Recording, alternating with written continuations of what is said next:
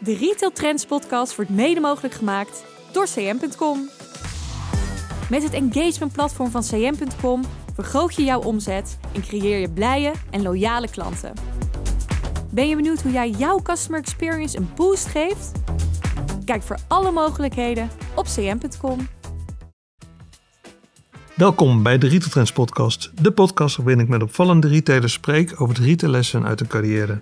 In deze podcast ga ik in gesprek met Bart van den Nieuwenhof, CEO van Next Eye, moederbedrijf van optiekketens Hans Anders, Eyes More en het Zweedse Direct Optiek. Deze groep heeft in totaal ruim 700 winkels in vijf landen. Ik ben Marcel ten Hotte, oprichter-eigenaar van Retail Media.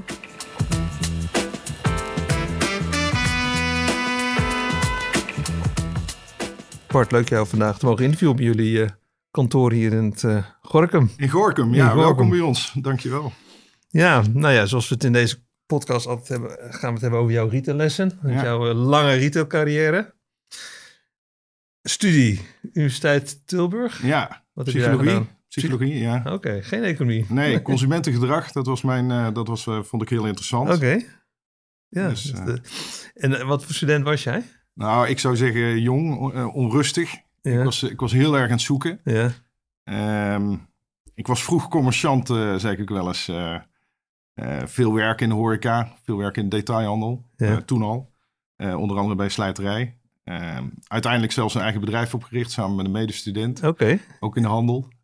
Dus Zit dat in jouw familie? Kom je in een handelsfamilie? Ja, mijn, uh, mijn oom, dat is, wel, uh, dat is eigenlijk ook waar, uh, waar mijn eerste winkelhart begon te kloppen, zullen we maar zeggen. Mijn oom die had, een, had een sporthuis in, in Veldhoven. Ja. Dat is echt ondernemer. En die Sporthuis Olympia heette dat. En mijn oma woonde daarboven. En als ik dan in het weekend naar, mijn, naar mijn oma ging, ging ik ook altijd even daar naartoe. Ze hadden een hele mooie glijbaan van de begane grond naar de kelder. En daar was ook een bar en daar had hij een soort skiwereld ge gecreëerd. Al toen al, hè. Dan praat je over, over uh, beleving. eind jaren zeventig. beleving in de jaren zeventig. Ja, en ik heb die, die glijbaan heb ik later, komt straks wel uh, vast een keer terug, maar over, over VND uh, te spreken. Maar die glijbaan heb ik later ooit van de begane grond naar de kelder in de VND in Utrecht gebouwd. Oké. Okay, en ik wist waar die vandaan kwam. Ja, dat ja, ja. ja. En, uh, en, ja, en toen werd ik op een gegeven moment werd ik, uh, door, door Ebbingen Campus heette dat op de universiteit, werd ik gevraagd of ik uh, bij CNA wilde komen praten. Dat is, en dat, was, dat werd de eerste baan. Ja, 1996. 1996, ja. ja voorjaar, ja. Het is lang geleden, als je dat allemaal... Ja, CNA, echt een, een trainee-programma, toch? Ja, ja, dat was een, was een bijzonder programma. Um, ik kende het een beetje via iemand in de familie, maar ja, het was, het was heel intensief. Ik, ik zeg wel eens acht uur werken bij CNA, acht uur erover praten en, uh, en acht uur erover dromen. Ja, ja, ja, ja, um, maar het, het, was, het was een ontzettend mooi, mooi programma. De, de oude, uh, de toenmalige HR-directeur, meneer Breed, die noemde ons zijn witte raven. Het was heel bijzonder. Het waren een klein clubje mannen bij elkaar. En, en, en ja. Mannen, mannen. Ja, la, nee, er waren ook wel dames hoor. Zo okay. is het niet. Maar goed, ik, ik, heb nog steeds contact met een paar mannen. Vandaar dat ik het zo zeg. Ja. Want ja, ja in die tijd had je echt drie, uh, drie stromingen. Je had de, de, de hogere kaderopleiding van V&D, je had dan CNA en je had de Albert Heijn uh, ja, ja. Ja, ja dit is, uh, ik, ik kreeg deze mooie kans. Ik vond het een heel bijzondere, bijzondere opleiding. Ja. En, ja, het was wel het was heel leuk. Ik, heel je, breed, inkoop, wordt, verkoop. Maar je wordt meteen in de praktijk Ja, ja, ja. Het was, het was wel heel mooi. Ik ging, ik ging s ochtends uh, ging ik uh, vanuit Rotterdam, waar we woonden, ging ik, uh, ging ik met mijn, mijn blauwe pak, mijn CNA-speld en mijn CNA-das, ging ik de metro in naar Spijkenisse. En dan stond ik daar op de herenafdeling en later op de kinderafdeling. En dat waren eigenlijk de eerste, nou, eerste vier maanden. Ja. En dan leer je het echt. Ja, ja. Wat, wat, als jij daaraan terugdenkt, wat zijn dan dingen waarvan je denkt, joh, daar heb ik nou nog steeds plezier van? Nou, allereerst heb je één keer meegemaakt hoe alles werkt. Hè? Echt meegemaakt. Zelf de, de, de kleding in de rekken zelf de klanten gesproken. Ik, ik zeg wel eens, ik ken de klanten.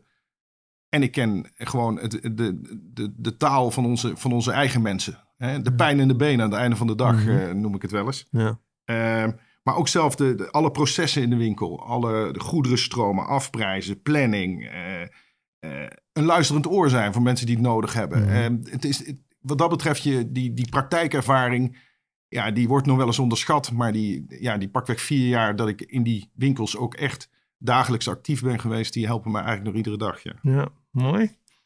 In totaal heb, doe je dat vier jaar? Ja, vanuit ja. trainee ja, was het traineeship van vier was een jaar? traineeship van vier jaar. Ehm, ja, vrienden van mij op de, de- zeg maar, mijn studietijd, die vonden het allemaal maar heel apart wat ik ging doen. Want ik moest ook op zaterdag werken en zij ging op stap en zo. Ja. Het, het was een heel ander, heel ander leven. Maar voor mij was het echt, ja, ik werd er echt door gegrepen. Ja. Ik, vond het, eh, ik vond het prachtig. En had je ook gevoel dat het een beetje aansloot op jouw studie met psychologie? Ah, kijk, uiteindelijk is het natuurlijk zo dat je als je, als je op die winkelvloer staat... Ik, dan maak je gewoon echt dingen mee van alle dag. Hè. Ik, komt op een gegeven moment, ik, een mooi verhaal komt op een gegeven moment... en 20 jaar, wat is het nu? Bijna 30 jaar later grijpt dat nog steeds. Komt een meneer binnen en die, eh, en die zegt op een gegeven moment... eh, met een mooi plat Rotterdams accent... dat hij een zwart pak nodig had, want dat de begrafenis. Ik had nog niet meteen tijd voor hem, dus ik zeg op een gegeven moment tegen hem... Ik zeg, meneer... En, Ja, goed, een beetje, een beetje studentenkoos. Ik zeg, meneer, als u daar dan gaat kijken, dan kom ik zo bij. En hij stond echt met zijn open gordijn in de kleedkamer, stond, stond hij daar, in het pashok. En toen had hij smoking aan. Dus hij zegt, hij zegt, dat staat goed, hè? Dus ik zeg tegen hem, ik zeg, nou, dat gaan we niet doen. Dat gaan we niet doen. En weet je, uiteindelijk, die meneer en mevrouw, die, die kwamen een, paar dagen later, kwamen ze me nog gewoon een, een cadeautje brengen om de blij Ja, ja. dat, hij niet, dat hij niet was, in feeststemming was verschenen op die Op begrafenis. begrafenis, nee, Kijk, nee, nee, uiteindelijk de, de taal en de, van de klant en de taal van de, van de, van de, van de mens in, in, in je eigen bedrijf. Om dat goed te leren, naast Mhm. alle processen en, en, en kennis van zaken. Dat vond ik gewoon Ja, heel erg boeiend. mooi. Deed me veel. Je bent uiteindelijk een store manager geworden? Ja, ja, na een maand of tien. Oké, dat ging snel. Ja, je kreeg, als je het, eh, ja, als je het goed deed, zullen we maar Ja. zeggen. Maar je kreeg, nou ja, goed, een, een, een normaal planning was na een jaar of zo. Dat En- een en- spijkenis ook. Nee, nee, Delft. Oké. Eerst Delft, eh, toen Tilburg, toen Tilburg en Breda. Dan kon je ook leren op afstand eh, leiding te geven. Toen Rotterdam Centrum. Hoe was Dus- dat om als, als eigenlijk jong broekje je leiding te geven? Ja, ik vond het prachtig. Ik vond het prachtig. Ik bedoel, de ene keer, ene dag eh, eh, was het eh, een en al lol. En de andere dag moest je toch ook op je streep staan. En dat met een heel diverse groep mensen. Grote groep mensen. Mensen die ook echt uitprobeerden. hè. Ja, Dus, die ook heel lang ze- werkte die daar lang werkten. Ja. En dachten, achter heb je er weer één. Ja, ja. Zo'n trainee. Uit dat, uit, dat, uit, dat, uit dat klasje. Ja, dat was natuurlijk toch wel een beetje, ja. Ze, mensen waren er wel mee gewend dat er, mensen, dat, Ah, ja. er, dat er jonge honden kwamen, om het even maar zo te noemen. Maar, nou ja. Ja. En dan na vier jaar, dan is je trainee voorbij en dan stap je over naar UPC. In Ja, plaats van dat je carrière voortzet bij CNA. ja. Wat was daar de reden van? Nou, reden, reden. Kijk, uiteindelijk eh, bij, bij CNA wilden ze me best houden. Ja. Eh, ze zeiden van, ja, we willen graag met je door in de, in de verkoop. eh, eh, de striksmanagersrol, eh Mhm. et cetera. Maar ik werd een beetje onrustig. Ga ik mijn hele leven ergens, ergens werken? CNA was natuurlijk toch een, ja, toen de tijd een vrij traditioneel bolwerk. Ja. Ehm, Daar kon je jubilea halen. daar kon je je jubileum halen. Ja, zeker als je zo'n traineeship goed had, had doorlopen, dan had je natuurlijk wel een soort van je sporen verdiend. Ja. En, ehm, maar het werd wel, de, de gedachte om dat te doen, werd, eh, ja, vond, ik wel, vond ik wel een onrustige gedachte. En ik kon me in, in marketing verder ontwikkelen. Ik kreeg de kans bij UPC, wat heel booming bedrijf was. Heel veel mensen zien dat helemaal niet als retail, maar ik wel. Ik, Mhm. ik bedoel, kijk, het is geen detailhandel, natuurlijk. Maar het is ook direct, eh, direct naar consumenten consument, leveren ja. van diensten. Ja. Ehm, ik vond het een heel interessante leerschool. Amerikaans. Hè? Ik kwam van een traditionele eh, Nederlandse retailer. En Ja. ineens zit ik in een Amerikaanse omgeving. Natuurlijk in Nederland, maar wel heel erg Amerikaans gedreven. Je wordt daar manager marketing services. Ja, in eerste instantie werd ik, eh, werd ik verantwoordelijk voor de, voor de channel marketing. Dus Ja. alles wat met de, met de eigen... We hadden eigen winkels. Ja. Ehm, eh, A2000 was overgenomen. Zaten wat winkels uit in de, in de boedel, zullen we maar zeggen. Ik werd eh, verantwoordelijk voor, eh, voor channel marketing. En, ehm, en dat, eh, dat ging eh, na een jaar of twee over in, eh, in ehm, marketing services. En toen kwam ik ook in het, eh, in het managementteam Mhm. terecht. Ik mocht daar alles. Ik mocht een eigen winkelconcept ontwikkelen. We hebben trucks gemaakt die als winkels door de wijken reden om, eh, om internet en telefonie te verkopen aan, aan klanten. Eh, maar ik maakte mijn eerste reclame op na- nationale televisie. Eh, alles, ja, je mocht heel veel. Eerste stappen op het gebied van CRM, wat eigenlijk als een soort rode draad later loyalty-programma's door mijn Ja. carrière is gelopen. Wat ik ontzettend leuk vond. Ja, ja. Ehm, ja, ehm, en in het MT kon je ook echt dingen, dingen bewegen. Dat was de eerste keer dat ik... Ja, eerst was ik manager, maar, maar vervolgens kwam je in de MT terecht. En wat je heel vaak zag, is dat mensen ook, ook daar gewoon behoefte hadden aan een beetje raakvlakken met die praktijk. En dat eigenlijk zelf niet hadden gedaan. Hè? Die hadden een jaar of drie op kantoor gezeten. Bij UPC gingen er nog wel veel mensen uit en in. En dan kwamen ze ineens in de managementrol terecht. En dan hadden wij soms discussies in TMT. Ze zeiden, ja, maar er moest er iemand zeggen hoe dit nou werkelijk zat. En Ja. dat was toch vaak ook wel, rol eh, En dan pakken. kon je eigenlijk weer je ervaring van je CNA Ja. wel weer goed gebruiken. Ja, dat was- ervaring. Ja. Ja, Ja. ja. dus het, is een, eh, het, was, het was een mooie combinatie eh, van die, die, die eerste twee banen, ja. Mooi. En doe je vijf jaar? Ja, de, de- vijf jaar gedaan. met, met, met een ontzettend mooie, mooie beweging eigenlijk die we daar, die we daar tot stand hebben gebracht uiteindelijk. En dan, dan na vijf jaar in 2006, dan lonkt de echte retail weer. Of V&D, een beetje het ministerie van eh, retail in die, in die tijd. Ja, ja, kijk, weet je, uiteindelijk is het zo dat als je naar, eh, als je naar V&D gaat, eh, dan zeggen ze bij UPC, en dat is eigenlijk een beetje een soort rode draad. Zeggen bij UPC, je bent, je bent knettergek, wat ga je nou doen? Hè? Ja. Het was op een gegeven moment zo dat mensen op een gegeven moment zeiden van, je hebt het hier helemaal goed. eh, wat, wat moet je nou bij V&D? Dat gaat nooit meer iets worden. Wa- waren toen woorden van jongens in de telecom, hè? In- in- Begin Vooruitziende 2000. blik. Ja, ik, ik, maar goed, eh, wij hadden, we hadden bij UPC echt een hoogtepunt bereikt. We waren van een technisch bedrijf, waren we een klantgericht bedrijf geworden. Daar hadden we echt, eerst waren de jongens van marketing, waren die jongens die geld uitgaven met dure auto's reden. En later werden wij echt de- degene die eigenlijk dat bedrijf stuurde naar een klantgerichte organisatie. Ja. Ja, en dan, ja, dan kom je eigenlijk op een soort hoogtepunt aan. En dan zegt er weer eentje van, ja, ik ben weg en ik ga naar V&D. Dan, Ja. Dat was in die telecomwereld, er zeker toen, in. dat ging er niet in. Maar goed, later, we komen zo wel eh, even terug op, op, op, eh, Mhm. op, op eh, Maxeda. Maar Tony, Tony Denuncio van Maxeda, die zei ooit tegen mij toen hij me vroeg voor Hunkermuller, komt zo wel. Die zei hij, ja, het gaat over de vier jaar stretch. Je moet gewoon in je carrière af en toe wisselen. Want als je niet wisselt, ja, dan, dan ga je niet versneld weer leren. Nee. En eh, ja, dat is wel een, een les die mij is bijgebleven, zullen we maar Mhm. zeggen. En uiteindelijk, ja, wat, als je die, die onrust hebt en je wil naar het volgende, ja, dan, dan vind ik het ook wel mooi om iets te pakken waar iets te doen is. Ja. Nou, dat, dat Ja, was ja, ja, ja. wel. Ja. En ik vond die warenhuizen magisch. Hmm. Ik, eh, ik heb altijd de warenhuizen van kinds af aan iets, iets heel moois gevonden.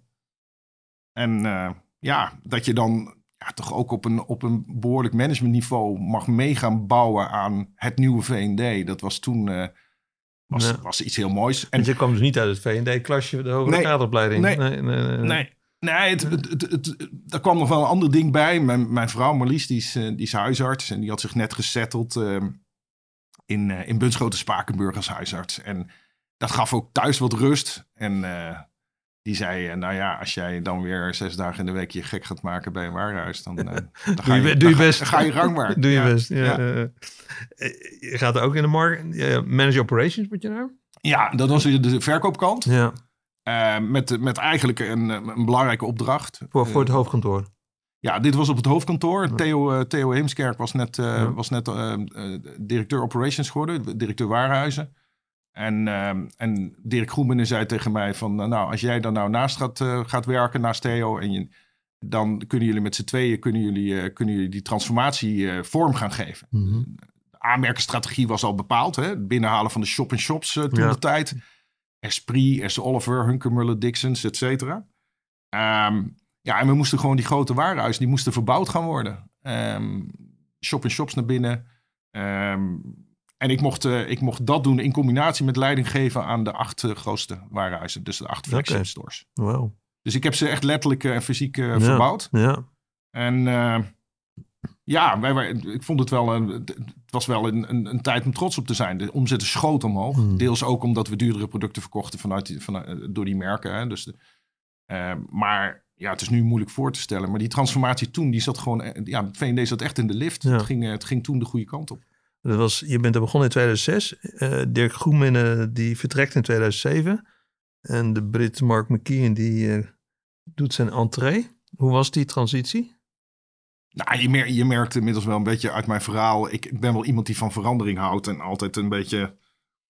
Ja, ik zeg altijd tegen mijn kinderen... er is niet zo belangrijk als leren... dat iedere verandering een kans is. Als je dat kunt omarmen, als je, dat, als je daar blij van kunt worden... Ja. En ik zie zoveel mensen ook in de retail... die gestrest raken als er, als er verandering plaatsvindt... of als ze een nieuwe baas krijgen of iets dergelijks. Ik, ik vond dat wel mooi. Kijk, Dirk was een hele slimme, strategisch sterke, ehm, eh, verbaal heel sterk. Hè? Heel, heel ja, pintere man. En dan komt ineens Mark binnen met een Flamboyant. flamboyant, maar enorme energie. Ja. Eh, kende iedereen op de vloer. Ik was echt, ik schaamde me af en toe dood. Ik bedoel, hij, hij, hij kwam V&D Utrecht binnen en dan zei hij: Hey Carla, dit, hey die, dat, hey die. Eh, ik heb het op de dag van vandaag, eh, denk ik, hoe is het mogelijk? Maar hij kende iedereen op de vloer. Hij, hij managde de relaties op een manier, daar werd je, werd je, werd je akelig van zo goed. Ehm, leveranciers, eh, partners, eh, iedereen kreeg ellenlange betogen van wat er allemaal goed en niet goed was. Eh, ja, een man werkte echt 18 een uur per dag. En Persoonlijke maar- aandacht. ja. Ja. ja, echt een kracht. Kracht, man. Ja. En, en de tandem tussen hem en de Nuncio? De twee Engelsen. Ja, dat vond ik, dat vond ik moeilijk te, moeilijk te, kan ik moeilijk zeggen. En wat ik wel merkte is dat Tony natuurlijk op een gegeven moment heel goed zag welke mensen hij nodig had voor welke formules om er weer een volgende fase mee in te gaan. Maar merk je ook dat, kijk, Engeland is natuurlijk ook een, een retailland. De, de, de, de retailmentaliteit van Engeland, dat dat echt eh, overwaarde door hen? Ja, ja, Hmm. ja goed, daar komen zo over Ja. kunnen we te praten. Maar Ja, ja, ja. ja, dat merkte je wel. Ik bedoel, eh, er zaten diverse ehm, mensen die, die Tony had gehaald. Mhm. Omdat hij natuurlijk toch zag dat er een, ja, een, in- en, ja, ik zeg wel eens een energy boost nodig was hier en daar. En dat dan iemand die van buiten komt en niet, ja, je zou bijna zeggen, besmet is door, door alles wat hier in Nederland zeg maar eh, gangbaar is. eh, gewoon op zijn kop kan zetten. Ja. En, en bereid is om, om soms door muren te gaan die, eh, waar anderen misschien stoppen. Je doet twee jaar die transitie. Was dat genoeg? Want je, daarna, 2009, stap je over naar Hunkemuller. Ja, ik heb drie jaar bij V&D gewerkt. Ja. De transitie zelf, de verbouwingen zelf, zeg maar in die grotere vestigingen waren afgerond. Inmiddels ging dat verder in de kleinere vestigingen. En ja, kijk, uiteindelijk, soms eh, gebeuren dingen ook per toeval natuurlijk. Maar bij, bij Hunkermuller gebeurde het een en ander. Eh, Het bedrijf ging op dat moment niet zo goed meer. Ook onderdeel van Maxeda. Was Ja. ook onderdeel van Maxeda. Ehm, ja, V&D zat in de lift. Dus wat krijg je? Je krijgt dan dat er toch gekeken wordt, ook in V- bij Ja. V&D. Wie zit er daar onder de directie? Wie moeten we een kans geven? Eh, Tony zei letterlijk tegen mij, ehm, ja, dit is je kans. Ehm, er, is, er is een hoop verandering nodig. Ik heb je gezien hoe je dat bij V&D Mhm. deed. eh, hoe je dat, ja, zeg maar, gestructureerd aanpakte. En ja, dit, er, is hard, er is veel nodig bij Hunkermuller. Ga daar eens kijken. Eh, hij zei daarbij overigens wel tegen mij van... Denk eraan, als je nu met die directie daar gaat praten... eh er komt een Er nieuwe komt een man nieuwe. aan. Er komt een nieuwe. Dus eh, Philip... eh, ik, mo ik mocht er niet over praten, Nee, maar ik nee. wist dat Philip zou komen. Philip Moutfort. Mountford, ja. Ja. En dat was voor mij ook Ken wel... jij hem? Nee. Hm. Nee. Natuurlijk wel even gegoogeld en zo. Ja, ja, Maar nee, ik kende hem niet. Maar ik vond het wel... eh, ik, ik was wel gecharmeerd van het idee dat we daar echt met een nieuw team aan de gang zouden gaan. Ja, want jij kwam daar en drie maanden later kwam Philip inderdaad. Ja, voor, ja, zoiets. ja. Ja, zoiets. Ja. Hij is, eh, hij is eh, net even later gekomen. Ik heb hem tussendoor al wel een paar keer toen ontmoet. Eh, kennis met hem gemaakt. En hem een paar keer verteld hoe dingen ervoor stonden. Die ik al zag Ja. als nieuweling. Maar toen zijn we samen begonnen, ja. Wat hebben jullie daar... Ja, het is een enorm succes geworden. Maar wat, wat zijn de grootste stappen die jullie gezet hebben daarin? Om dat tot dat succes te komen? Ja, het was een. het- kijk, uiteindelijk. eh, we, we hebben, er was een, van alles mis. Maar ook, er zaten natuurlijk ook heel veel goede dingen in het merk. Het was, het, het, het was een beetje op hol geslagen door, door een aantal beslissingen die eerder waren genomen. Waardoor eh, de voorraden niet in orde waren en een paar andere zaken niet, eh, niet, goed, eh, niet goed waren. En dat, nou ja, dat, dat zag je direct terug in de resultaten. Nou, toen kwam die verandering met het management. Philip was, richtte zich heel erg op de achterkant. Inkoop, merchandise planning, logistiek. dat deed, en, en dan bedoel ik meer, daar was hij echt dagdagelijks veel mee Mhm. bezig. En hij liet mij me concentreren op de voorkant. Dus sales en eerste jaar ook marketing.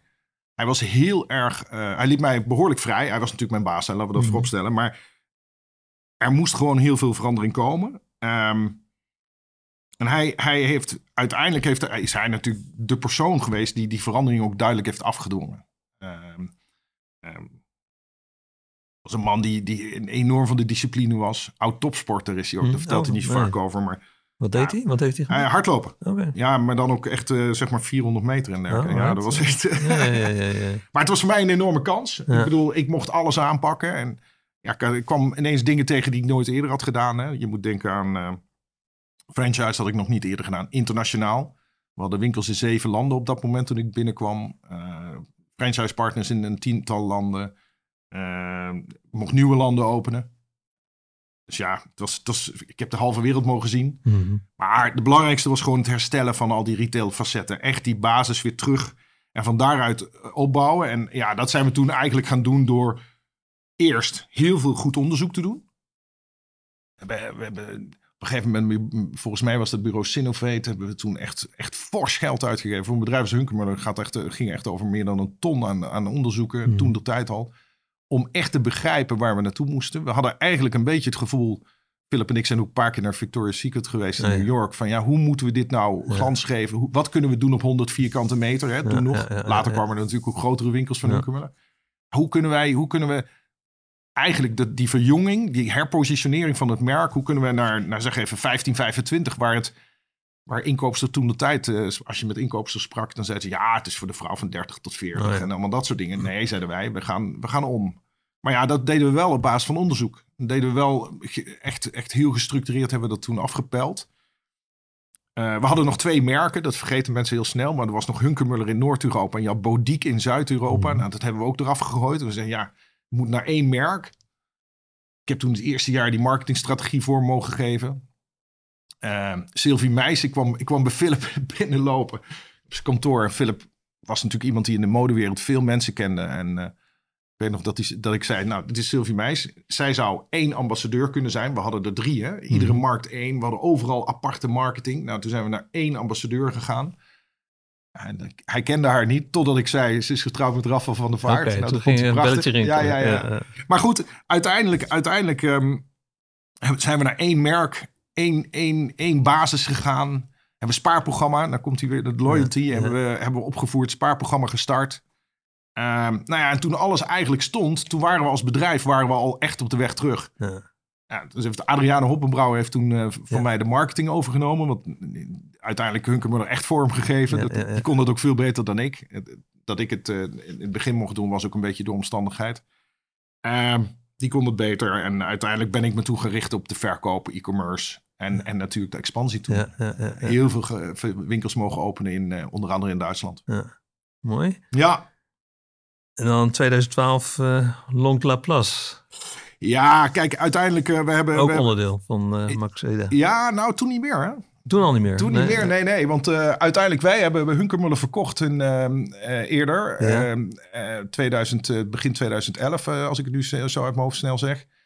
En ehm, op dat moment werd V&D ook verkocht. Aan, Aan, Sun. Oké, en, en, en, en Hunkemuller Eh, maar- aan 3i. Of- Wat zei je? eh, Hunkemuller werd verkocht aan... Hunkermuller werd verkocht aan PAI. Oké, ja. En, eh, of PAI. Ik weet niet hoe ja. de meeste mensen het zeggen. Maar in ieder geval, wat er, wat er gebeurde was... Ik moest als onderdeel van die verkoop...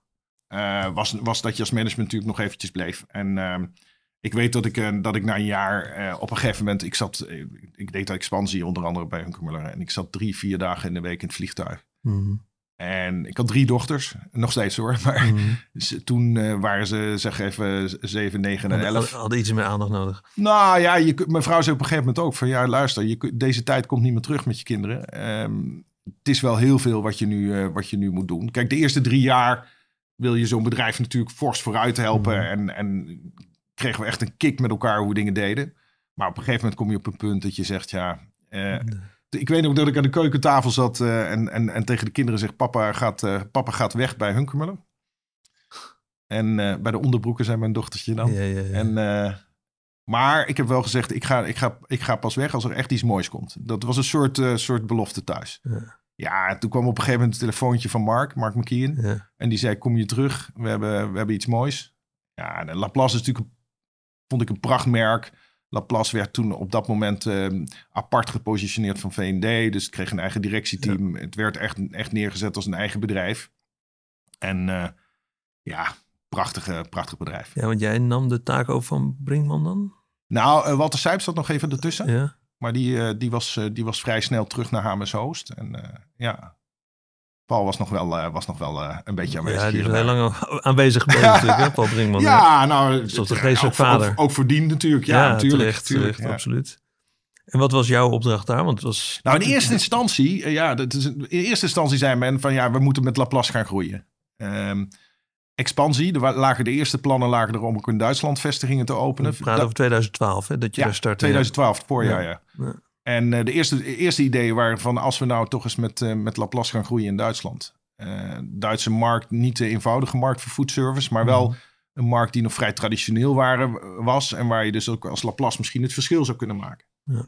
Nou, dat Iets, iets meer worsten. En, Ja, ja. misschien.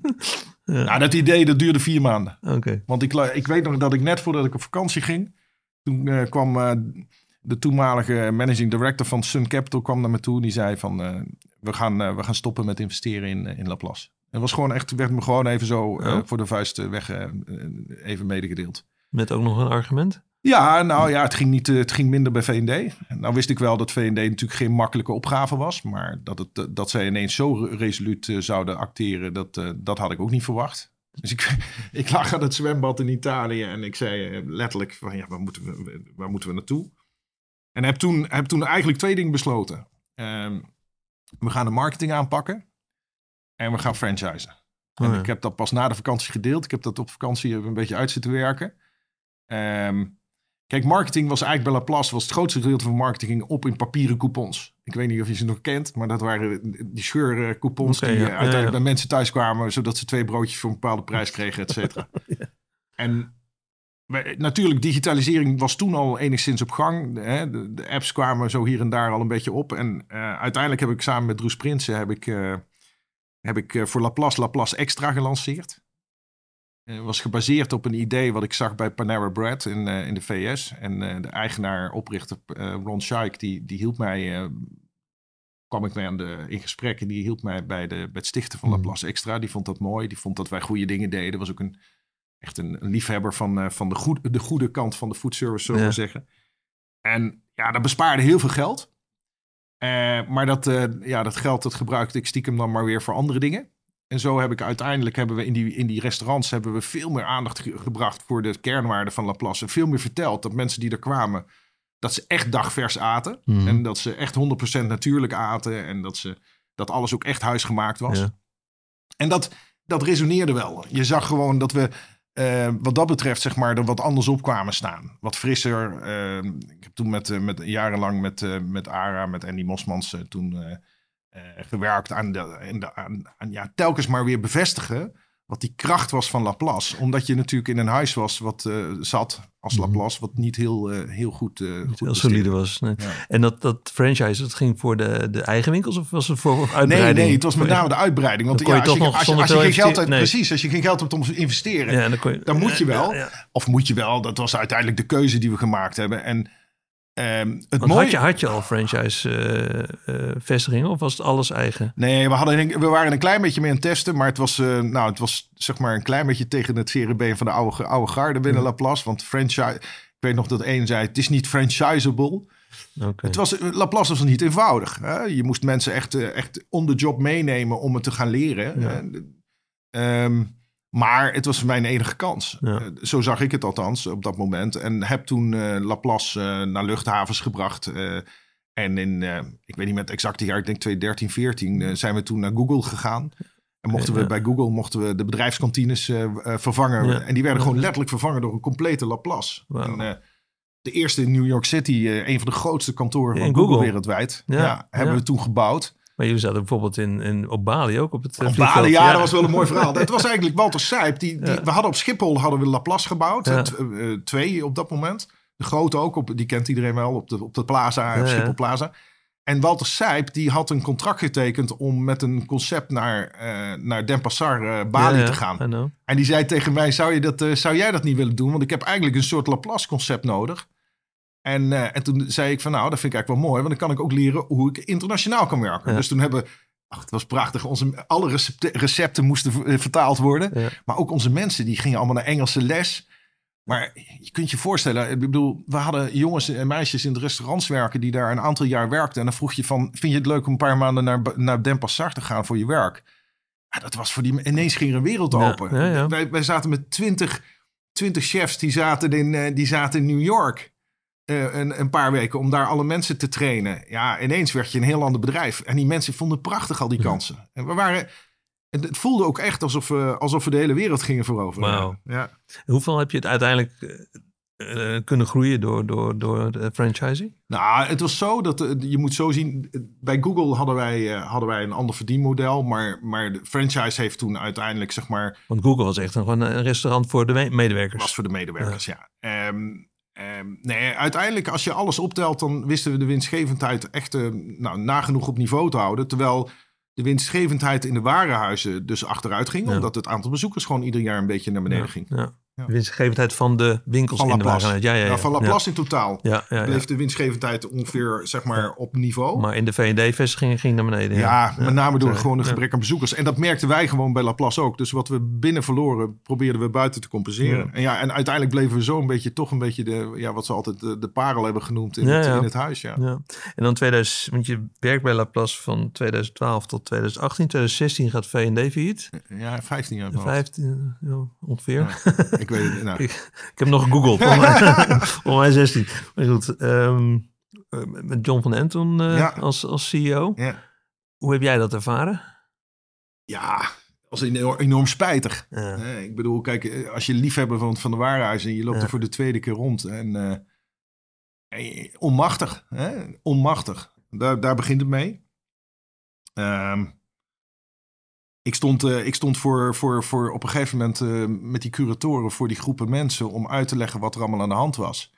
Nou, nou is het zo dat als je moet uitleggen dat het, dat het niet goed gaat met het bedrijf, en zeker ook bij de non-food, het, het is natuurlijk een enorme harde klap, maar mensen hebben, mensen hebben die harde klap ehm, ehm, ergens ook wel zien aankomen. Hmm. Ook al werd het iedere keer weer weggemoffeld, iedere keer was er een nieuwe oplossing en dat soort dingen.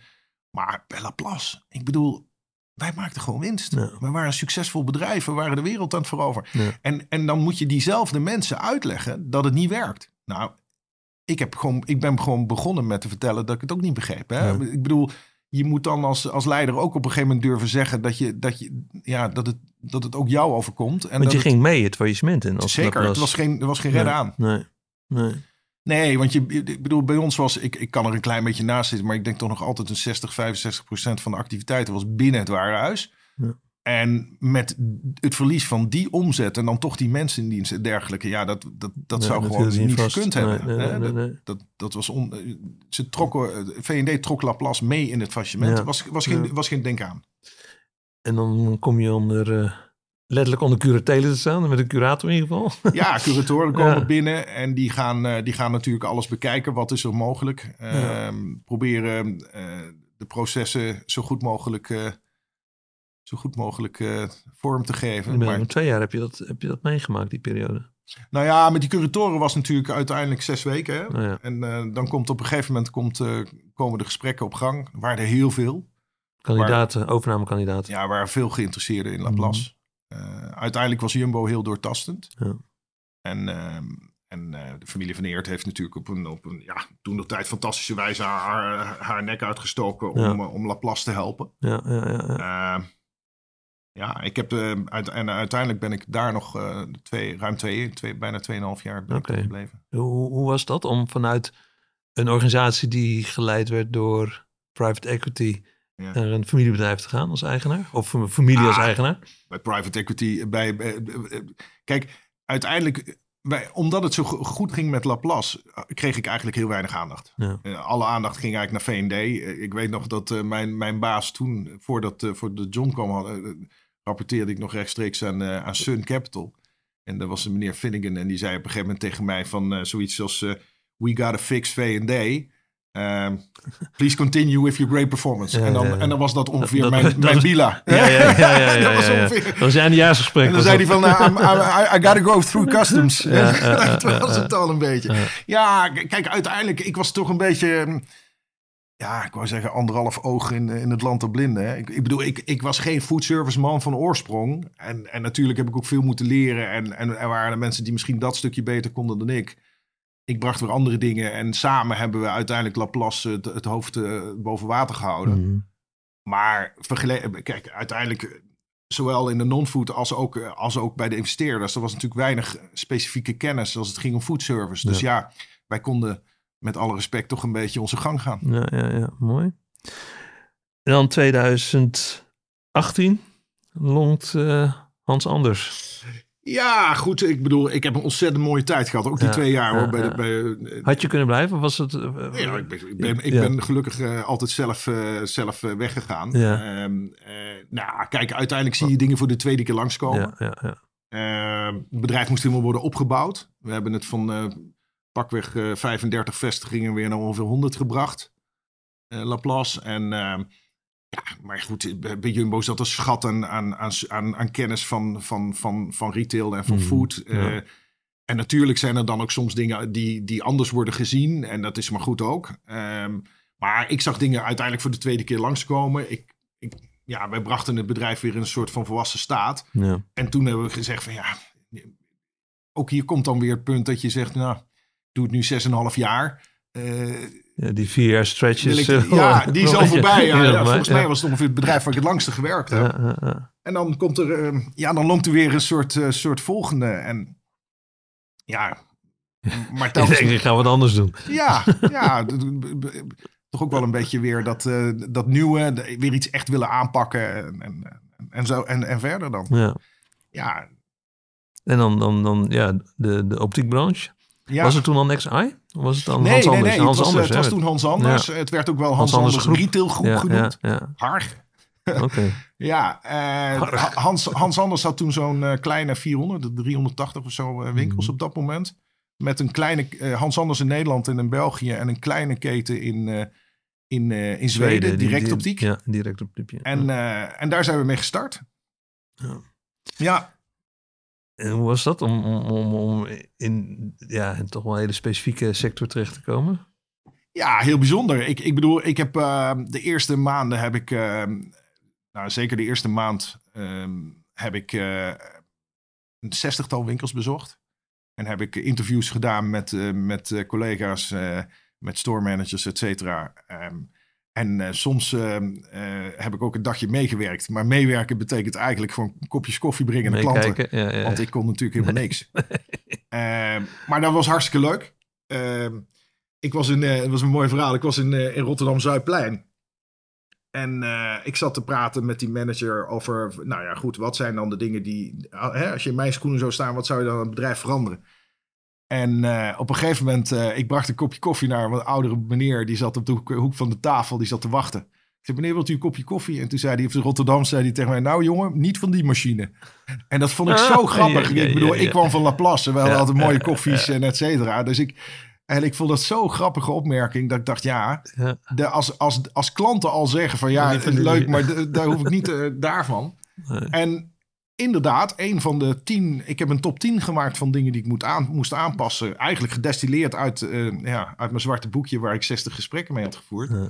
En uit die top 10, in die top 10 kwamen een aantal dingen. Je moet ons van ons uniform afhelpen. Oké. Ik begreep zelf ook niet echt waarom je een uniform nodig zou hebben op 100 vierkante meter. Want Ja, je ziet ja. meteen wie er werken. Eh, tweede was, we willen gewoon lekkere koffie. Er was een mevrouw uit Hilversum die bracht gewoon al twintig jaar haar eigen koffie mee naar de werk, omdat ze hem zelf ook niet dronk. Ja, Kijk, ja, ja, ja. Uiteindelijk, we waren natuurlijk een discounter, we waren een beetje sleets geraakt. Ehm, ja, en ik kende nog wel een paar ad- adresjes, dus eh, uiteindelijk was de, de bonenkoffie was zo gezet. Ik, ik bedoel, ik- het, het, is een beetje een soort, het is een beetje eh, hoe, hoe, hoe heet het ook weer, maar een beetje een, ehm, een, een beeld van Mhm. wat, er, wat er toen speelde. Maar dit, gaf, gaf- dit was gewoon één van de dingen. Het is nog Ja. wel een paar keer teruggekomen in meetings. Eén van de dingen die we veranderd hebben. Maar het stond een beetje symbool voor die hele ja, verandering. Ja, Ja, ja, ja, ja. Laplace moest, eh, moest weer levend... Of Laplace, sorry. Ja, nou zijn we... Hans. Alles moest natuurlijk weer een beetje levend eh, gemaakt worden. Eh, energie erin. Ja. En eh, ja, dat vond ik heel erg leuk. We hebben de winkels opgefrist. We hebben de mensen opgeleid.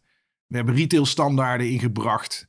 Eh, we zijn mensen bewust gemaakt van, van hun prestaties. Zowel in zorg als in verkoop. Hè, want dat is natuurlijk het mooie van optiek. Hè? Het is een combinatie. Het is een ambacht. Mhm. En eh, niet te vergeten audio, hè, want dat is ook prachtig. We, we zijn weer de beste uh, audiciëns van Nederland geworden. Dat, een Dat- mooie prijs. ehm, Mhm. Kijk, zowel audio als, als, als optiek, het is, een, het is een ambacht. Het is een belangrijk vak. Je zorgt voor mensen en je, en je verkoopt. En die combinatie is natuurlijk hartstikke leuk. Mhm.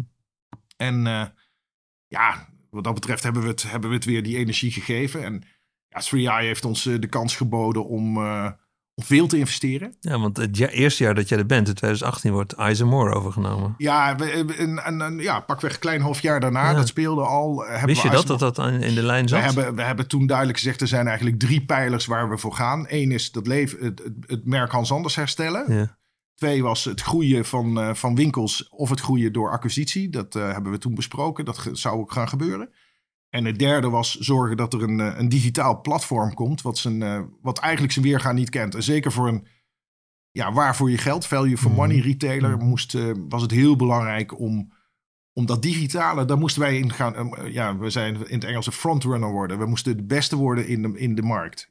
In, in onze markt. En dat was de aankoop van Eisenmoore. Nou, Eisenmoor was, was dus het, het onderdeel groeien. Ja. Ehm, Ja. En ehm, ja, de, Hans Anders, zeg maar, weer tot leven brengen hebben we gedaan. ja. En, en ondertussen zijn we zeer gaan investeren In het in, eh, in het hele digitale. Want waar kwam dat Eisenmoore vandaan?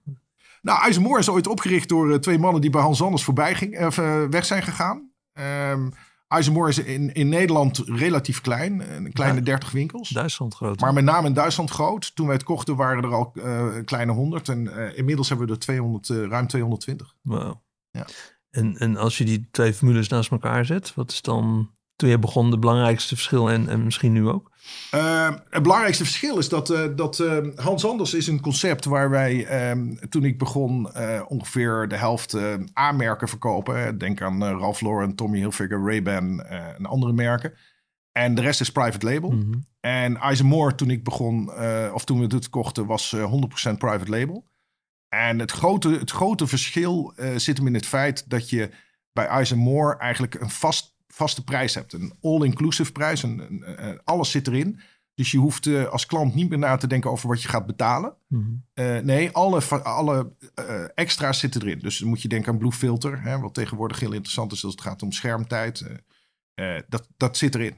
Ehm, dus alle zaken die jij wilt toevoegen aan een bril... daar hoef je je dus geen zorgen over te maken... als het gaat om de kosten die dat tot zijn consequentie heeft. En wat is dan de prijsverhouding ten opzichte van Hans Anders? Nee, die is, die is vrij gelijk. Want we zijn, eh, eh, het DNA van die bedrijven is niet, eh, is niet veel anders. Hè. Het, het gaat over waar voor je geld. Noem je nog steeds discount dan of niet? Nee, ik denk Nee. dat wij value for money zijn. Ja. Kijk, discount, die koffie die hoorde bij discount, hè, voormalig. Ja, hè. ja. Nee, wij zijn geen, wij zijn ik vind ons geen discounter. Ik vind ons een bedrijf wat zorgt. Wij zorgen wel dat we onze prijspositie de beste is. Maar het past ook eigenlijk niet bij, denk ik, bij de optiek om discount te zijn. Je moet gewoon waar voor je geld bieden. En natuurlijk bewaken wij onze positie als het om. Met Hans Anders is natuurlijk altijd de prijs. Hè? Alleen de prijs is anders. Ja. Dat was altijd wel de, de speerpunt geweest. Nou ja, ik denk dat dat het nog steeds is. Ja. Eh, sterker nog, we hebben het weer teruggebracht. Juist omdat we al die andere dingen weer op orde hebben. Eh, kijk, ik vond het een hele moeilijke uitspraak toen ik hier kwam. Want toen dacht ik, ja, het is leuk om te zeggen... Hans anders, de prijs is anders. De koffie ook. Maar ja, de, de- en, de, en de winkels. En ja, ik vond, het, ik vond ja, dat wij eerst een betere job moesten doen. Ja. Maar nu, nu ben ik weer trots om te zeggen dat het zo is. We hebben, onze producten zijn eh, kwalitatief eh, van gelijke strekking. De merken zijn goed. De, de, de, de, de- de- het glas is, is, is gewoon van hetzelfde niveau. Eh, alleen de prijzen zijn lager. Hmm. En, en, en niet te vergeten, onze digitale klantenreis... wat echt een grote rol is gaan spelen in deze markt, in deze industrie... is, is, is beter dan waar dan ook. En dat, ja, dat, daar zijn we echt trots op. Ja, mooi. En dan kun je op een gegeven moment ook weer met z'n allen gewoon die claim maken dat alleen de prijs anders is. Ja, ja, ja. En dan gaan jullie de, de, de, groepsnaam, hè, Hans Anders Retail Groep, veranderen in, Next Eye. Ja. Met het idee van internationalisatie of, of professionalisatie. Het is natuurlijk leuk dat het ineens een hele een, een, een wat, wat dynamischer en internationale naam heeft. Hè? Ja. Laten we dat vooropstellen. Ja, ik bedoel, toen ik, eh, toen ik in dat eh, samen met het bureau daaraan gewerkt heb en, en eigenlijk dat eh, in het begin natuurlijk allemaal stil eh, hield. toen, toen, ja, toen kwam dit ook wel op tafel. Van Ja. jongens, er moet wel, mag wel een beetje dynamiek uitspreken. Maar wat eigenlijk veel belangrijker is, wij waren de Hans Anders Retail Groep. Maar ons grootste groeier was Eisenmoor. Ja. Onze grootste groeier zat, eh, zat in, in andere, in, in, in, althans het meeste in Duitsland dan, hè, waar we hard groeiden. Maar we hebben ook ambities daaromheen. En daarnaast, eh, ja, je bent niet meer alleen Hans Anders. Nee. Hè? We profiteren van, het, van de start die Hans Anders ooit heeft gemaakt. En we zijn een platform geworden waar anderen van kunnen profiteren. ja, ja. Maar ja, nog even, dan is Eisenmoor groter dan Hans Anders. Ja. Ja. dan kun je, kun je moeilijk blijven spreken van een Hans Anders groep. Ja, je zei in een interview met de Retail Trends ehm, ooit van... ik, eh, je laat je inspireren door, door formules als IKEA en Mediamarkt. Je vergelijkt zelfs in dat interview Eisenmoor met, met Zara. Bedrijven die internationaal succesvol zijn met goede producten en een betaalbare prijs. Ja. Voel je dat nog steeds zo?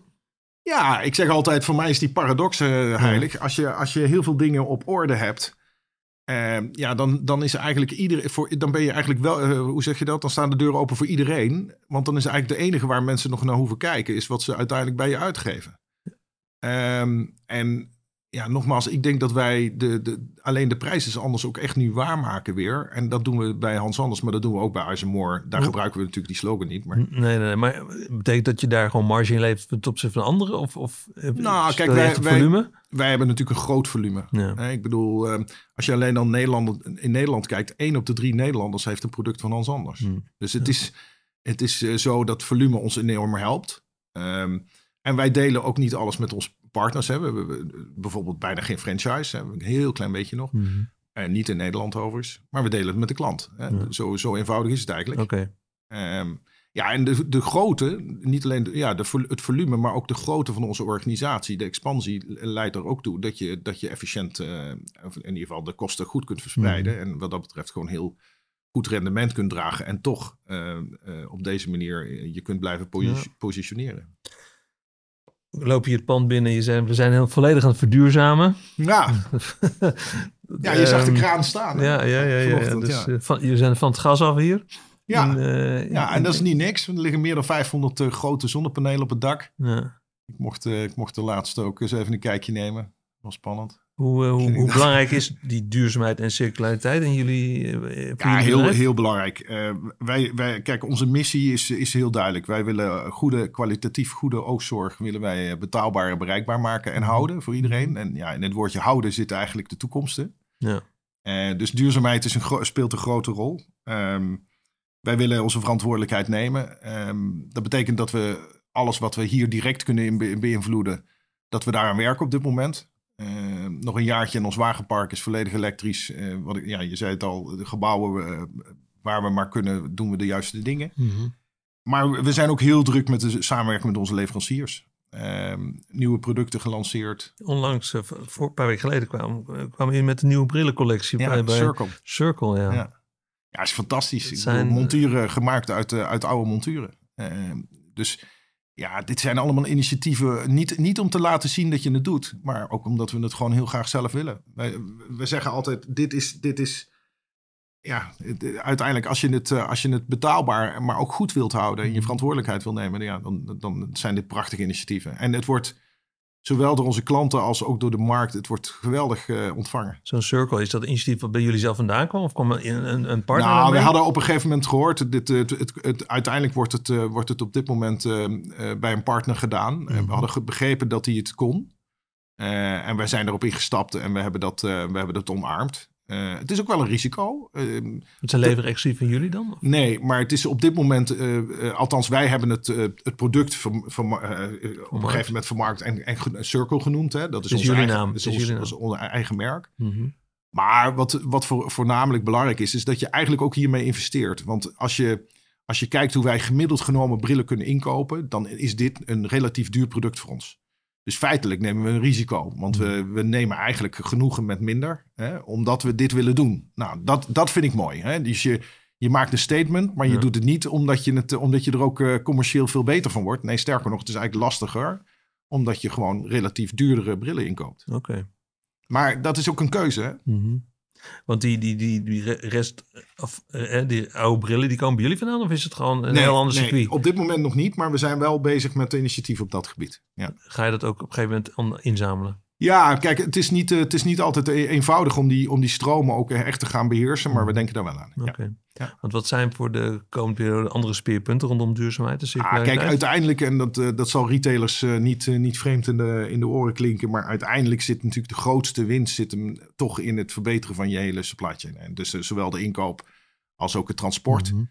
En wat dat betreft zien we dat, uh, dat wij met name slagen maken als het gaat om echte uh, discussies met onze leveranciers. Ik bedoel, we hebben goede discussies, we auditen ze ook op momenten dat ze het niet verwachten. Uh, maar goed, echt de, de, de, de, initiatieven die we daar nemen, daar, ja, daar kunnen we echt nog wat, wat winnen. Als je kijkt naar klanten, doelgroep, je zegt, ja, we, we, we, zijn een van de grootste, misschien wel de grootste in, in Nederland in volume. En ja, we zijn de grootste in volume.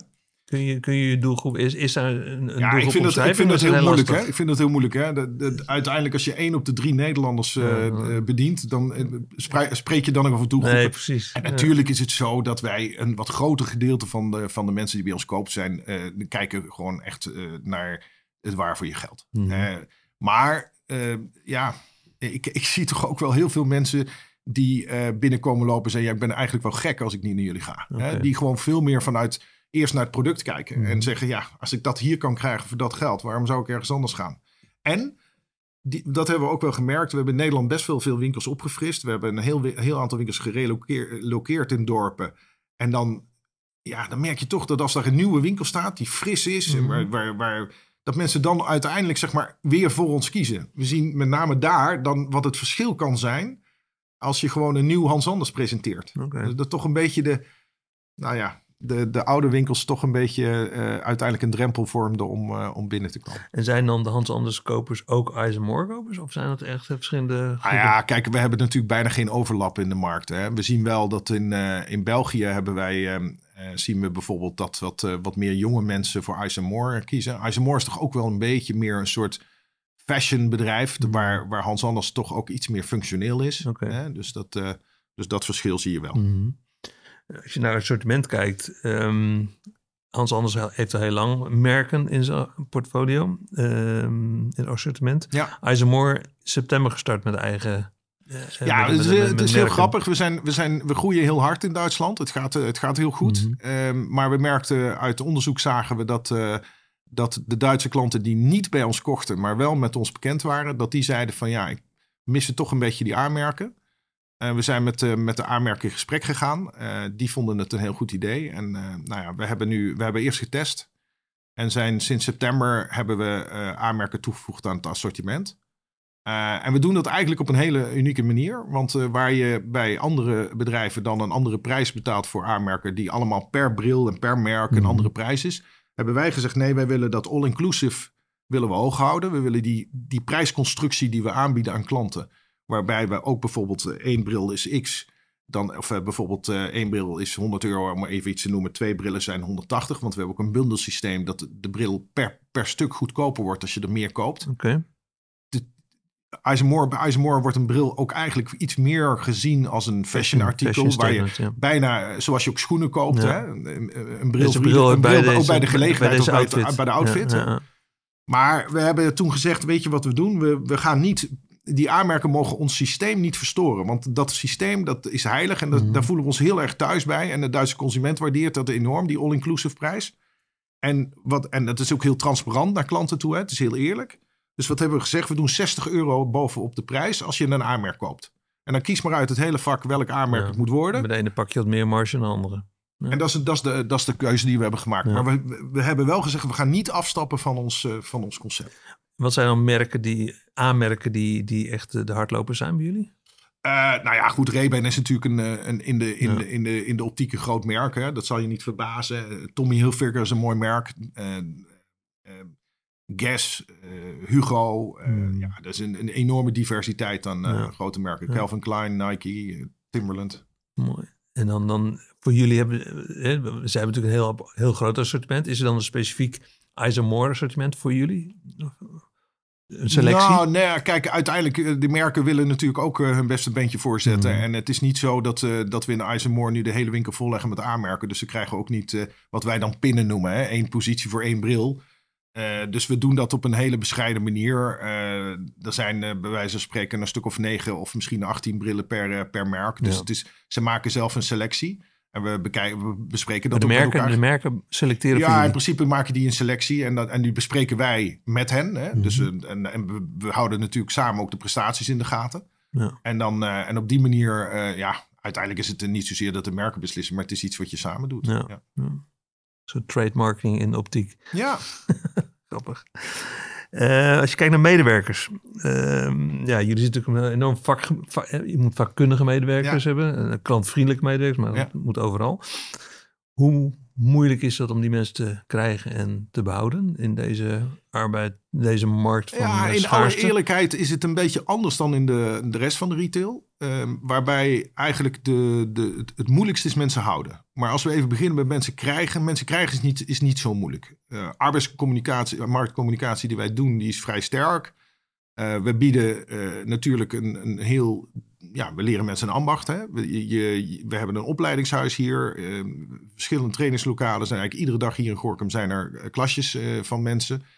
Dus mensen krijgen, het is een aantrekkelijke job. Het is zorg voor mensen, zorgen voor klanten. En het is eh, uiteindelijk ook verkopen. Dus het, is, het heeft een commerciële kant en een zorgkant. Het is heel afwisselend. Het is zitten en staan. Het is advies geven. Het is heel eh, ja, rewarding. Hè? Het, geeft, klanten zijn heel, heel blij met je. Eh, de hele dag door eh, staan er berichten bij ons op de interne Facebook eh, Speak app genaamd. met klanten die bonbons, bloemen en dat soort dingen achter, en achterlaten Mhm. of weer komen brengen omdat ze zo blij zijn.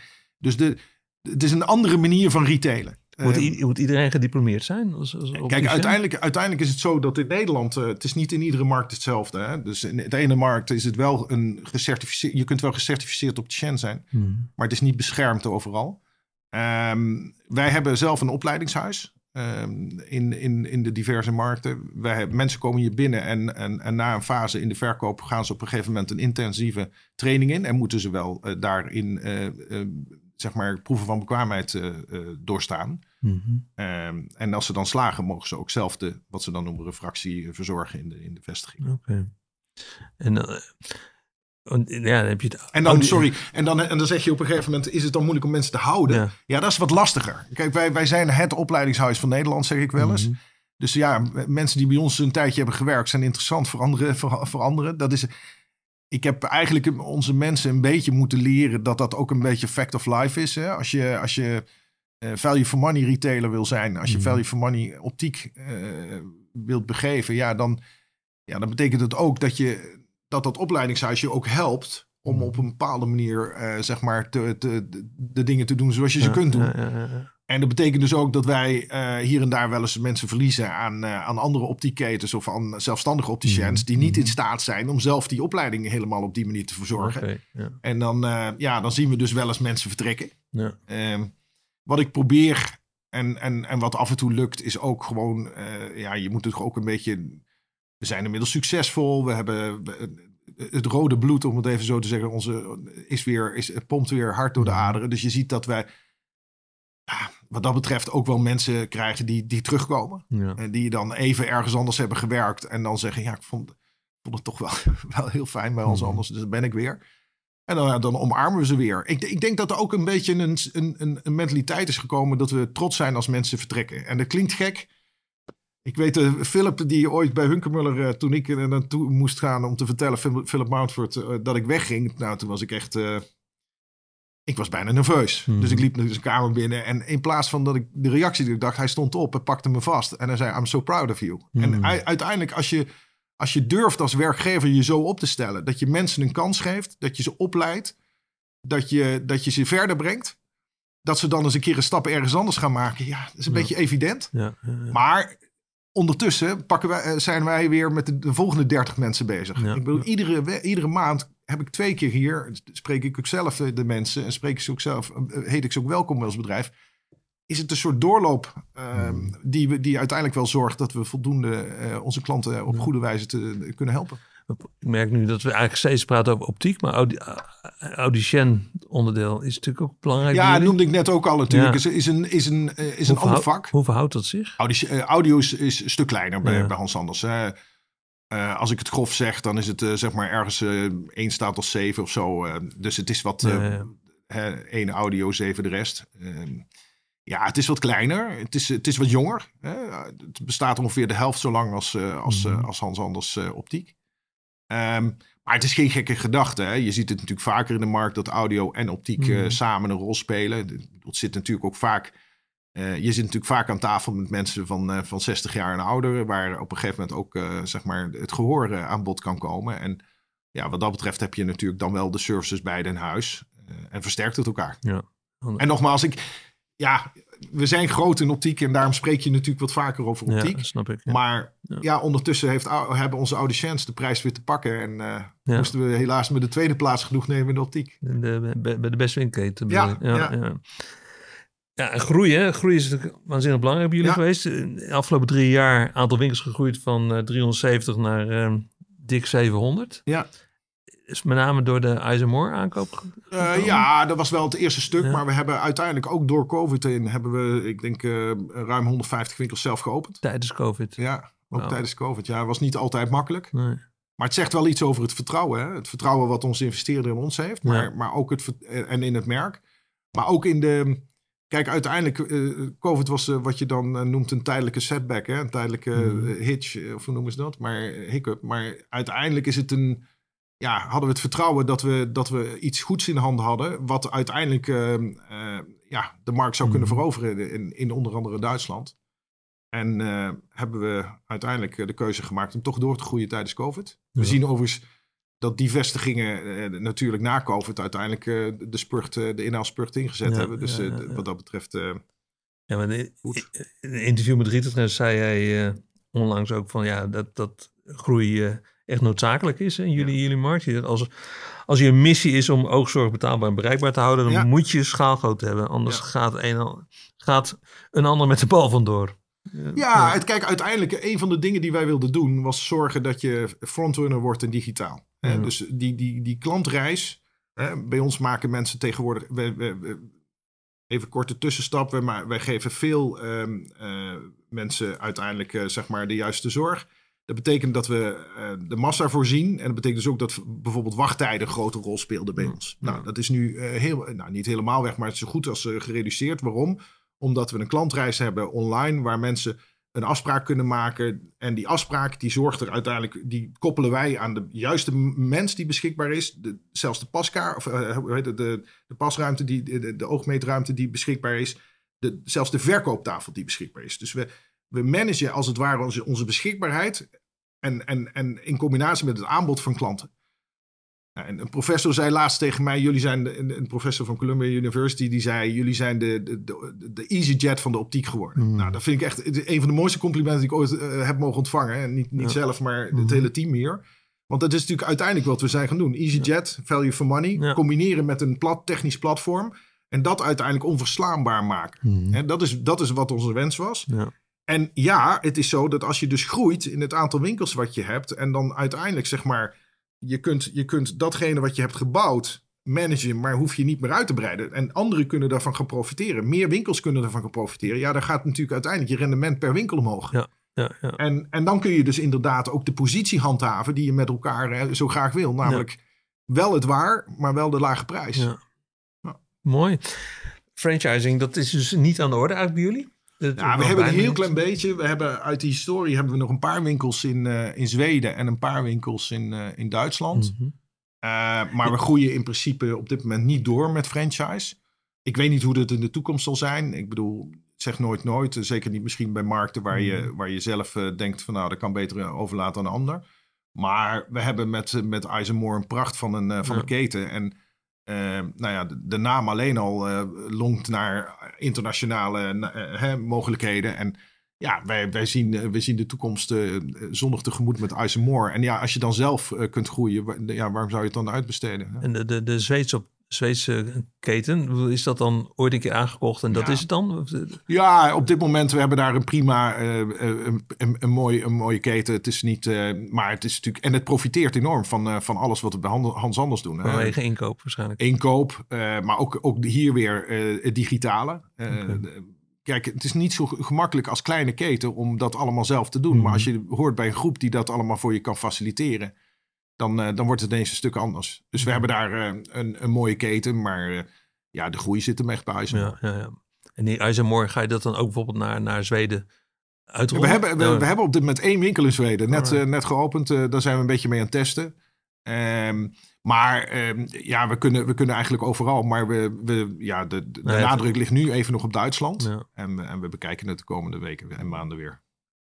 Ja, e-commerce hebben we het al uitgebreid over gehad. Dat, ehm, Ja. ja, eh, dat is niet meer weg te denken natuurlijk. En, Maar hoe zie jij de toekomst ervan in verhouding tot de fysieke Ah, winkels? kijk, bij ons, bij ons is e-commerce eh, speelt als het gaat om directe verkoop een hele beperkte rol. Ja, man. Eh, maar 70% van onze klanten raakt ons online voordat ze bij ons kopen. Ja. Eh, met name dus die afsprakentool. Ik had er niet aan moeten denken als we dat we niet voor COVID er al een beetje eh, mee waren begonnen. Want tijdens COVID hebben we natuurlijk ontzettend veel mensen eh, een veilig optiekbezoek beloofd. Mhm. Maar dat kon natuurlijk niet met, eh, met tien tegelijk, Nee, zoals je het nee, soms nee, zag ervoor. Eh, maar voor, voor- voorlopig, eh, nee, maar ook de komende jaren zal eh, de magie toch echt wel op de winkelvloer Ja, plaatsvinden. Ja, mooi. Ja. Als we kijken naar de markt, Ja. ehm, een andere grote speler is natuurlijk Grand Vision eh Ja. en Specsavers. Ja. Ehm, hoe verhouden jullie ze tot elkaar? Nou, wij zijn in Nederland en, en België zijn wij volumeleiders. Nummer twee in, in sales. Pearl is in, in Nederland nummer één in, in verkoop. Hebben ook meer winkels in Mhm. Nederland. En eh, ja, dat is eigenlijk... eh, en Specsavers is eh go- goede nummer drie. Zo maar. Ja, ja, ja. ja. En, en dan zitten jullie wat meer aan die value for money kant? Of Ja? Onze, de afstand als het gaat om prijs is, is de afstand significant. En dat, en dat houden we ook goed in de gaten Mhm. natuurlijk, want dat is voor ons het belangrijkste. We bieden, we bieden denk ik gelijke producten. We bieden gelijke, zowel in glas als montuur. Eh, merken, Eh, ja, ze- je, je kunt ze overal krijgen. Hè? Dus wat dat betreft eh, is dat in orde. Ehm, onze mensen zijn goed. Ehm, en, en, en, en, en, en de digitale reis is goed. Ja, dus, ja. En onze winkels zien er ook weer mooi uit. De- ja, dus het, uiteindelijk wil je natuurlijk een heel simpel. ja, maar het is natuurlijk uiteindelijk is het natuurlijk een, co- een combinatie van een goed product en een goede ervaring. En, en, en dat bieden we. ja. En eh, ja, het is, een, het is een moeilijke markt als het gaat om prijstransparantie. En, da, en dat maakt ook dat je.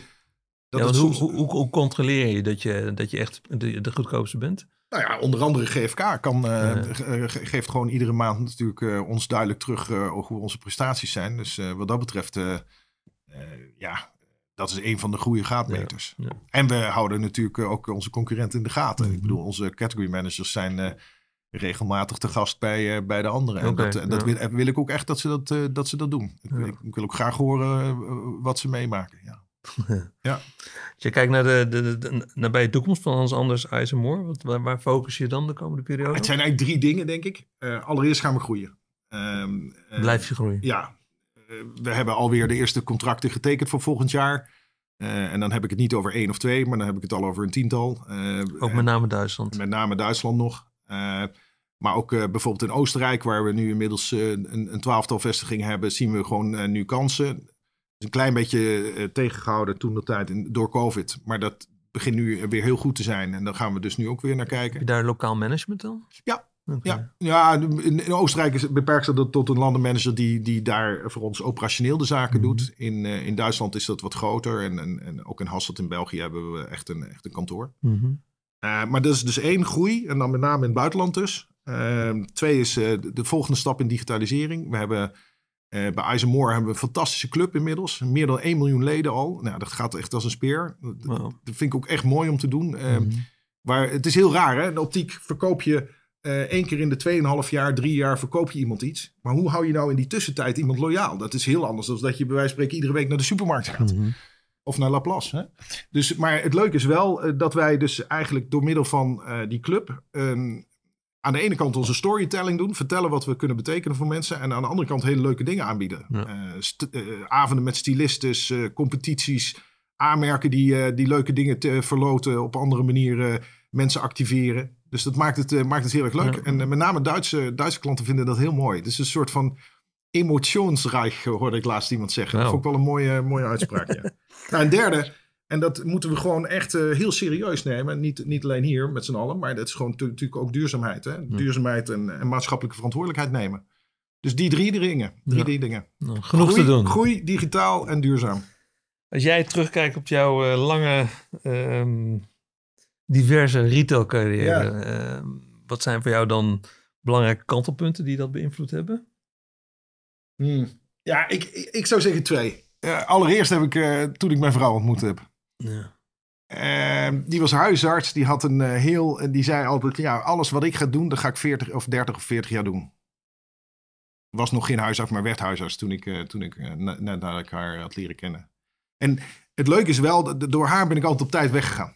Of ben ik gaan veranderen. Ja. Heb, ik, heb ik nooit gedacht, ik, ik durf dit niet. Ik ga, nee, heb ik soms, als je terugkijkt op, op hoogtepunten, heb ik gezegd, jongens, nu is het voor mij mooi geweest. Terwijl jou een anderen soort bleven vrij spel om, om daar de keuzes in te maken. ja, ja. En, maar, en, en vrij spel is misschien zelfs aan de lichte kant. Ze stimuleerden me zelfs. Ze zei gewoon, joh, dat moet je doen. Je moet andere dingen doen. Je moet leren. Nou, inmiddels heb ik de halve wereld gezien. Echt Hmm. fysiek, hè. Ik ben overal geweest. Van, in, in, van Zuid-Amerika tot, eh, tot, eh, tot Israël, eh, bij wijze van spreken. Hmm. Om maar iets actueels te noemen. Ik heb echt ontzettend veel mogen zien door, de, door, mijn, door mijn retailbaan. En, dus dat is één. En ik denk tweede Hunkermuller. Als je, als je, je moet toch ergens een keer die, die, die eerste directierol mogen uitvoeren. Ja. En als ik dan het vertrouwen wat we daar kregen en hoe we daar hebben kunnen werken. ehm, hetgeen wat ik van Philip allemaal heb kunnen leren. Hè? Een, een bijzondere man, maar wel een hele fijne man. Ik, zeg- ik, ik zag hem vorige week nog en ik nog steeds altijd heel goed met hem. Ja. En eh, ja, dat, als je zo'n zo'n eerste keer zo'n verantwoordelijkheid mag nemen. En ja, dan groei je zo als, als mens, als retailer. En dan, ja, dan is eigenlijk de rest is eigenlijk ja, eenvoudiger. Mhm. Om het maar even zo te zeggen. Dus ik denk die twee dingen. Mooi, mooi. En ja, wat, hè, wat zijn retailers of merken of andere ondernemers die jou inspireren? Ja, ik, heb, ehm, ik heb ergens eh, een aantal jaar geleden heb ik, eh, ben ik boeken gaan lezen over Kaizen. Ik weet niet of je dat kent. Nee. Het is, een, eh, het is eigenlijk een, een- als ik het goed zeg, een Japanse leer. Maar is, voor het eerst eigenlijk is die, uitge, is die tot leven gekomen toen de Amerikanen voor de Tweede Wereldoorlog, voor de geallieerden, de, de oorlogsindustrie eh, moesten gaan versnellen, optimaliseren. Eh, het is eigenlijk een soort bedrijfskundige filosofie, zou je bijna zeggen. Ja. En Kaizen zegt heel veel over eh, dingen beter maken. Of je nou werkt met grote mensen of met jonge talenten. Ik haal daar heel veel inspiratie uit, want ik vind het heel mooi. Het is, een- ik, heb, ik heb ook een klein boekje ervan wat ik, wat ik vaak nog meeneem op reis om weer te lezen. En een van de dingen die gezegd wordt, is dat je continu wil verbeteren. Continu nieuwsgierig wil zijn. Mhm. En ergens wordt dan op een gegeven moment dat ook genoemd. Dan zeggen ze, het, het is go to Gamba. En go to Gamba betekent eigenlijk dat je als management altijd de, de zin moet hebben, zou ik bijna zeggen, om daar te gaan waar het echt gebeurt. Mhm. De winkelvloer. Ja. En wat ik altijd tegen iedereen hier op een kantoor zeg, jongens, blijf zin hebben om daar naartoe te gaan. Want daar gebeurt het, daar Ja, kun je ja, leren. ja, ja, ja. En zelfs de kleine dingen, kleinste dingen kunnen grote stappen betekenen uiteindelijk. Hè? Dus je moet, je moet blijven gaan, nieuwsgierig blijven. Als je dat doet, ja, dus het is niet zozeer mensen of, of maar het is dat, die filosofie. En ja, die omarm ik al 20, 30 jaar. Ja, ik weet niet precies, ja, ja. maar Ben je zelf nog vaak op de winkelvloer trouwens? ja, eh, in, in diverse landen ook. Ik, eh, ik blijf erbij dat je, je moet bezoeken, je moet er zijn. Want je kunt niet eh, uit een soort van ivoren toren in Gorkum denken dat je dat allemaal wel weet. Want het, het, het haalt je in. Ja. Het gaat, sommige dingen gaan inmiddels zo snel, het haalt je in. En soms gaat het inderdaad over die laatste letters op een poster en dergelijke. Waarvan je zegt, hoe, jongens, hoe heb je dit kunnen doen? Ehm, maar het gaat ook over, je, over de mens. Mhm. Jongens, wat maken we mee? Wat horen we terug van klanten? Doen we het nog goed? Scherp Mooi. Wat een mooi verhaal, Bart. Ik, eh, Ja, het is niet zo eenvoudig allemaal over jezelf praten. Maar, Nee, ik, maar- ik vond het leuk om te doen. Het geeft je ook weer eens een keer een kans om zelf te reflecteren ja, natuurlijk. Nou, dankjewel eh dat je hier mee hebt willen werken. Het heeft even geduurd, maar eh, uiteindelijk Ja, is het gelukt. Soms moet het ook even goed gepland worden. Maar eh, Ik wil jou hartelijk danken voor jouw bijdrage aan de rietenlessen eh, van de Rietenles podcast. Aan alle luisteraars van deze podcast, eh, dank jullie wel voor het luisteren. Abonneer je nu op de Rietenles podcast en luister naar de rietenlessen van opvallende retailers. Kijk voor meer informatie op retailtrends.nl. Dankjewel. graag gedaan.